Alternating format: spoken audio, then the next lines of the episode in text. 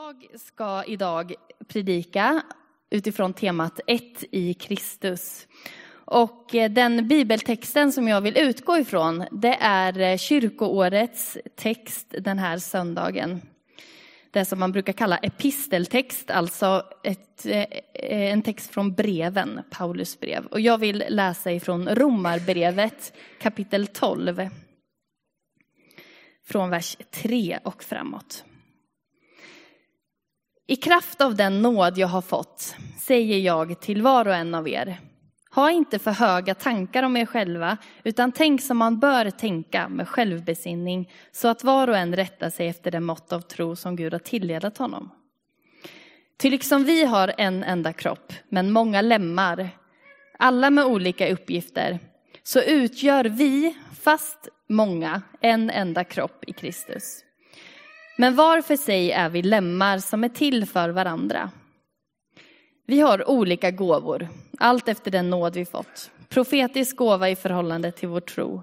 Tjänandets gåva hos den som tjänar. Undervisningens gåva hos den som undervisar. Tröstens gåva hos den som tröstar och förmanar. Gåvan att frikostigt dela med sig, att vara nitisk som ledare och att med glatt hjärta visa barmhärtighet.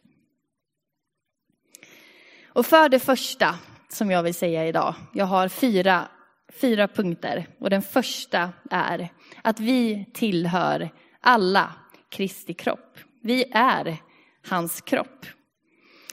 Och när jag tänkte på det här så påmindes jag om en annan bibeltext där eh, samma person då som skrivit det här brevet, romabrevet, när han själv är med om sin Guds erfarenhet, när han är med om den där frälsningsögonblicket. Paulus, eller Saul som han hette från början, han gick på vägen, eh, på vägen mot Damaskus och så uppenbarar Gud sig för honom. Och Saul är på den här tiden en förföljare av kristna. Och han sätter människor i fängelse och eh, till och med ser till att låta de kristna dödas. Och när Jesus möter honom på vägen så säger han, Saul, varför förföljer du mig? Och det tänker jag då, när Jesus säger, varför förföljer du mig? Så menar han att det är kyrkan som blir förföljd, men han identifierar sig så starkt med, med kyrkan att han säger att ni förfölj, du förföljer mig. Det talar också om att vi är hans kropp. Jesus identifierar sig så starkt med dig och mig att när vi drabbas så är det han själv som drabbas. Då är det han själv som känner med oss.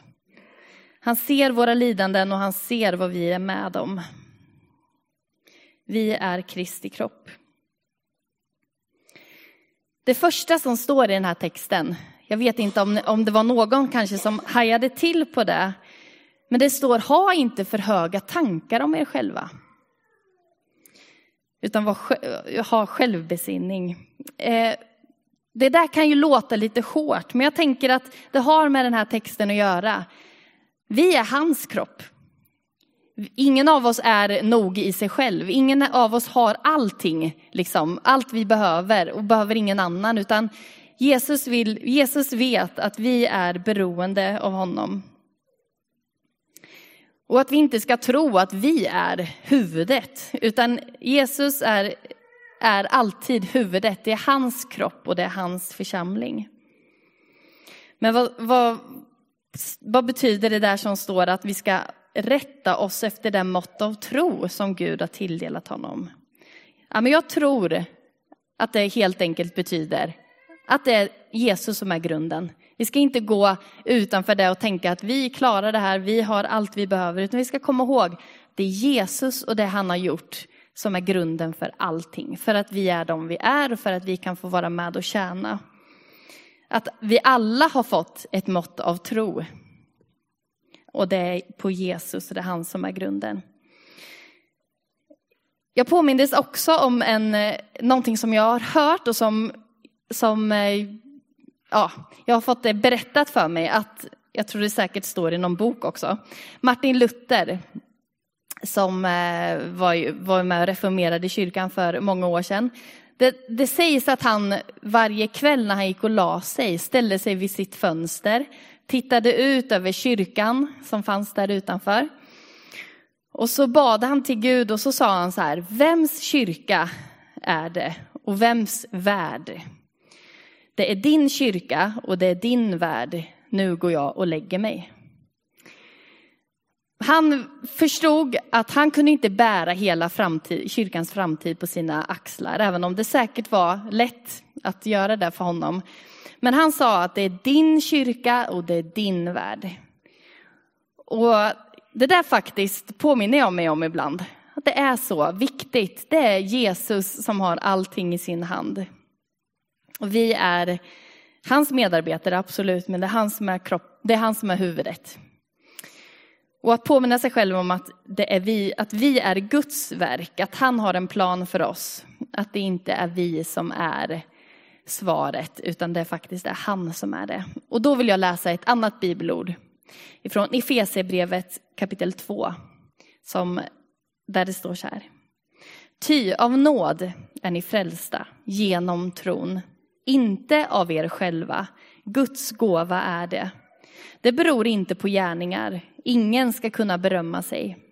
Vi är hans verk, skapade genom Kristus Jesus till att göra de goda gärningar som Gud från början har bestämt oss till. Jag tycker det går eh, i linje med att vi fick höra Tarsilla berätta tidigare i vår gudstjänst. Påminnas om att vi är Guds verk, det är det han har gjort för oss. Det är Jesus som är grunden för vår frälsning. Ingen av oss kan berömma sig, utan vi får lita på att frälsningen gäller mig. Tror jag på Jesus så är det så. För det andra, som jag vill säga idag, det är att vi är till för varandra. Och det kan vara, och jag tror så, att det är ett utmanande och ganska provocerande budskap i det här samhället som vi lever i idag. Att vi är till för varandra. Det står ju så i texten jag läste i början. Vi är Kristi kropp och lemmar och vi är till för varandra. Och det där, jag tror att det ligger någonting trotsigt som kyrka. Att visa en, ett samhälle och en värld att vi inte bara är till för oss själva, utan att vi faktiskt är till för varandra. Men också att jag inte klarar mig själv. Att jag faktiskt är beroende. Jag är beroende av andra människor.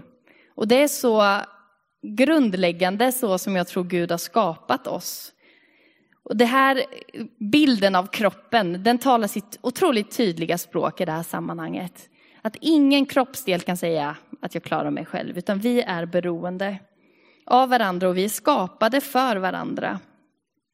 Jag behöver dig och du behöver mig. Jag kom att tänka på en barnsång när jag skrev ner den där lilla raden. Jag vet inte om det är någon som har hört den.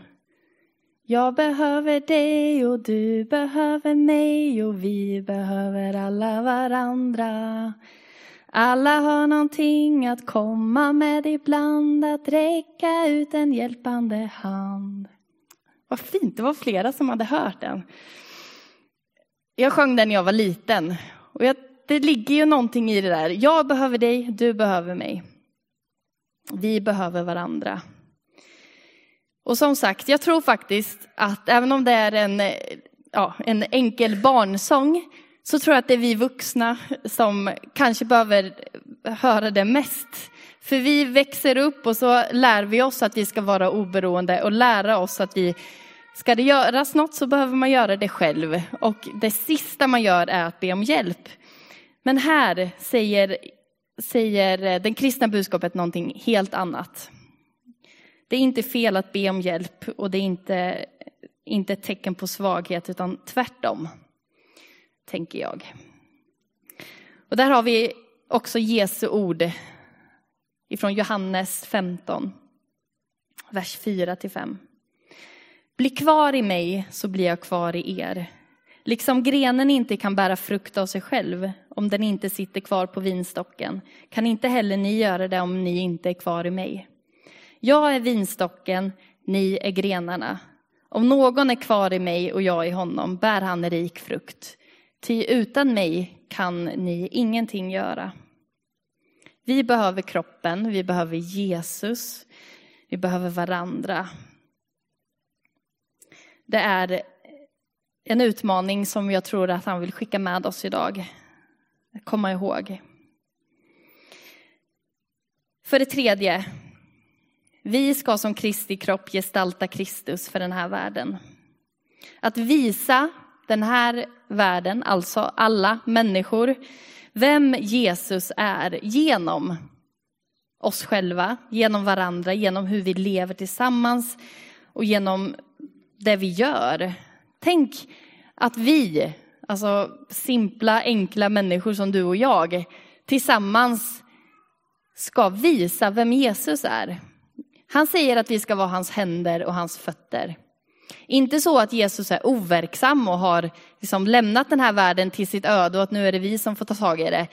Nej, han är, han är huvudet för, för församlingen och han är delaktig. Den heliga ande ger liv i, i våra liv. Så Jesus är och Gud är väldigt närvarande och aktiv. Men han har valt kroppen, församlingen, du och jag, att vara hans händer och fötter. Och det betyder, tänker jag, att vi har en jättestor och jätte, jätteviktig uppgift, men också att det är så häftigt. Det är verkligen någonting riktigt fantastiskt som vi som församling kan få vara med och göra. Om man då ska tänka, hur ska, man vara, hur ska vi vara Jesu kropp? Hur ska vi vara en kropp för den här världen? Hur kan vi visa vem Gud är? Finns det något bättre sätt än att gå till evangelierna och se hur Jesus gjorde? Jag tror faktiskt inte det. Om vi, vet, om vi vill veta hur ska jag möta människor? Hur ska jag vara för att de ska se Jesus i mig? Då tänker jag, låt oss titta på hur Jesus gjorde. Och några korta exempel vill jag ge som, som eh, jag tycker sticker ut i och är exemplifierande för hur Jesus möter människor. Det första exemplet när eh, några män, väldigt eh, duktiga, klarar sig själva, hittar en kvinna som inte är lika duktig som dem. Som uppenbarligen har brutit mot Moselag och som har eh, begått äktenskapsbrott, gjort något som enligt Moselag var synd och som också förtjänade dödsstraff. De släpar med sig den här kvinnan och så hittar de Jesus och tänker de, det här blir perfekt. Nu kan Jesus minsann säga vad som är rätt och fel och visa, göra ett tydligt exempel för hur man ska hantera syndare. Och de här männen som har dragit fram kvinnan, de förväntar sig att nu kommer domen. Och de kanske till och med, man nästan kan känna en förväntan i luften. Men så läser vi hur Jesus böjer sig ner, börjar rita lite eller skriva i sanden och sen reser han sig upp och säger, den som är utan synd kan kasta första stenen. Men ingen är fri ifrån synd och det förstår även dessa män. Så därför så lägger de ner sina stenar, går iväg och så säger Jesus till kvinnan, var det ingen som dömde dig? Gå nu och synda inte mer. Människorna såg synderskan. De såg vad som hon hade gjort fel. Men Jesus såg kvinnan. Han mötte henne, han såg henne. Och han lät henne förstå att hon är älskad. Hon är benådad av Jesus, av Gud. Och det verkar som att Jesus, när han, när han går runt och möter människor, så har han en förmåga att tala liksom, kärlek in i människors liv, visa dem vad de är skapade till, vilket liv de kan få leva och att få betyda någonting annat än, än där de kanske lever i just då. Jag tänker också på tullindrivaren, den ganska kända söndagsskolsberättelsen Sackaios som är hatad av hela Israel bara för att han har gått på de, allier, på eh, de ockupanternas sida har, drar in pengar åt fienden är en, eh, Avskydd av alla och uppenbarligen också av sig själv. För han vågar inte visa sig bland människor utan klättrar upp i trädet, håller sig på långt avstånd ifrån både Jesus och människor. Men ingen, liksom, ingen är gömd för Jesu ögon utan han ser Sackaios. Han ser den här mannen som har klättrat upp i trädet och han säger kom ner, idag ska jag gästa ditt hus. Och även där blir hans liv förvandlat. Jesus har en förmåga att möta människor. Eller ifrån Lukas kapitel 18, där Jesus istället berättar en berättelse eller liknelse. Så här står det. Till några som litade på att de själva var rättfärdiga och som såg ner på alla andra riktade han denna liknelse. Två män gick upp till templet för att be. Den ena var farisé, den andra tullindrivare. Farisén ställde sig och bad för sig själv. Jag tackar dig Gud för att jag inte är som andra människor, tjuvar och bedragare, horkarar eller som tullindrivaren där. Jag fastar två gånger i veckan, jag lämnar tionde av allt jag köper.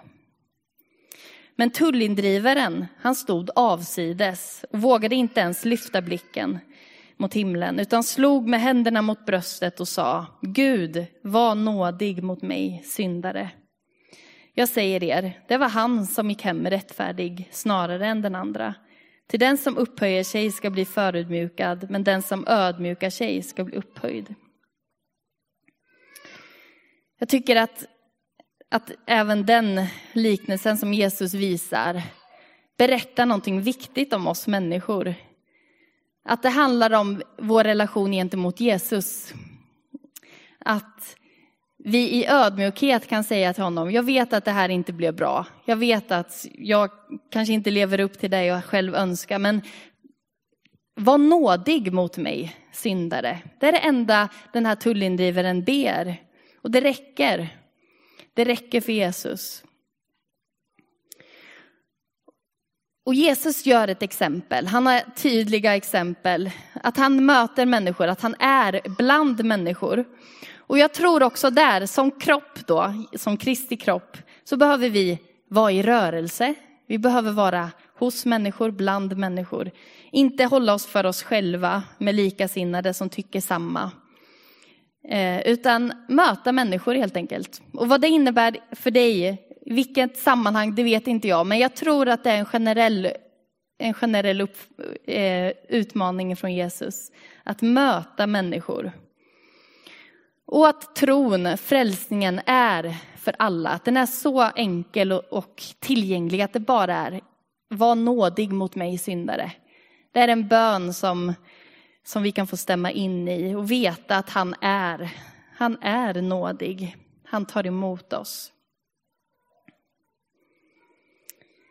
Jag tror också att Jesus vill uppenbara sig för varje ny generation. Han vill möta alla människor men han vill också visa vem man är för den uppväxande generationen. Så för vår församling och för hela den här, för vårt samhälle så behöver vi förändras och förnyas som församling för att en ung och ny generation ska kunna uppfatta Jesus.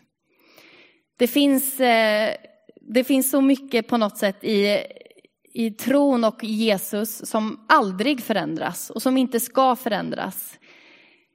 Men det finns också eh, sätt att vara på och sätt att göra saker på som kan göra att människor förstår. Och där tror jag vi behöver eh, vara, vara villiga att förnyas och förändras för en ung generations skull.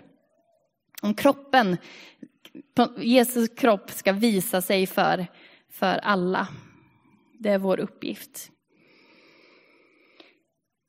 Så utmaning idag att ta den uppgiften att inse att vi tillsammans kan få utgöra Kristi kropp. Att vi kan få möta människor, att få visa honom vem, vilken kärleksfull och nådefull Gud vi har.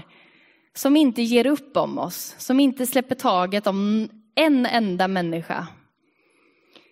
Och där, där får vi mitt i detta liksom få, ja, få vara en, eh, någon som visar vem Jesus är.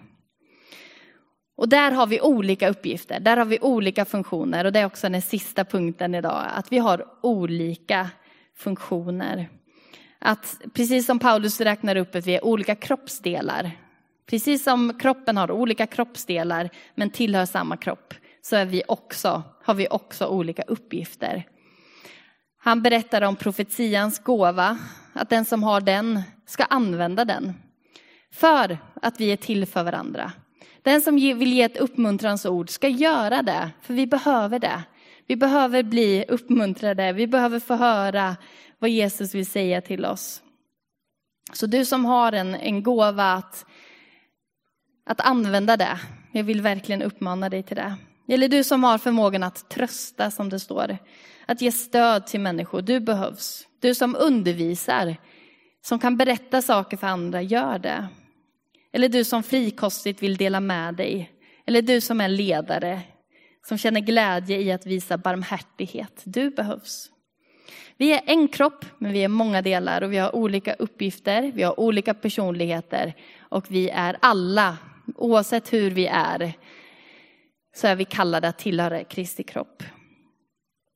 Så vi ber tillsammans och så låter vi liksom den här predikan och det ord som jag har läst få landa. Herre, vi tackar dig för, för din uppmaning och för din inbjudan idag. Att få tillhöra din kropp, att få veta att vi, att vi har som grund för vår tro står du, Jesus.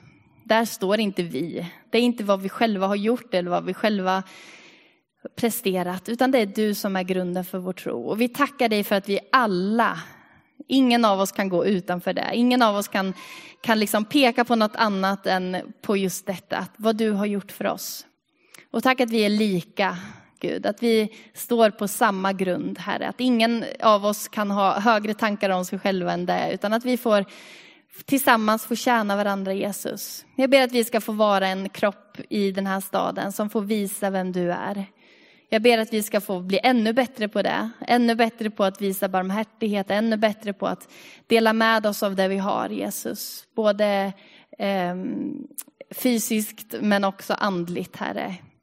Tack Jesus för att du vill möta oss som är här idag, att vi ska få, för den som, som kanske brottas med just detta med tro, att man får känna en, eh, ett lugn och en trygghet i att, att, att du håller din hand runt oss. Och tack att vi också får tro att vi kan få vara dina händer och fötter. Att vi kan få berätta om dig, att vi kan få visa vem du är Jesus. Och att vi får gå dina ärenden. Tack att du välsignar vår församling och alla som är här idag Jesus. Att vi ska få vara din kropp Herre. Vi tackar dig Jesus. Amen.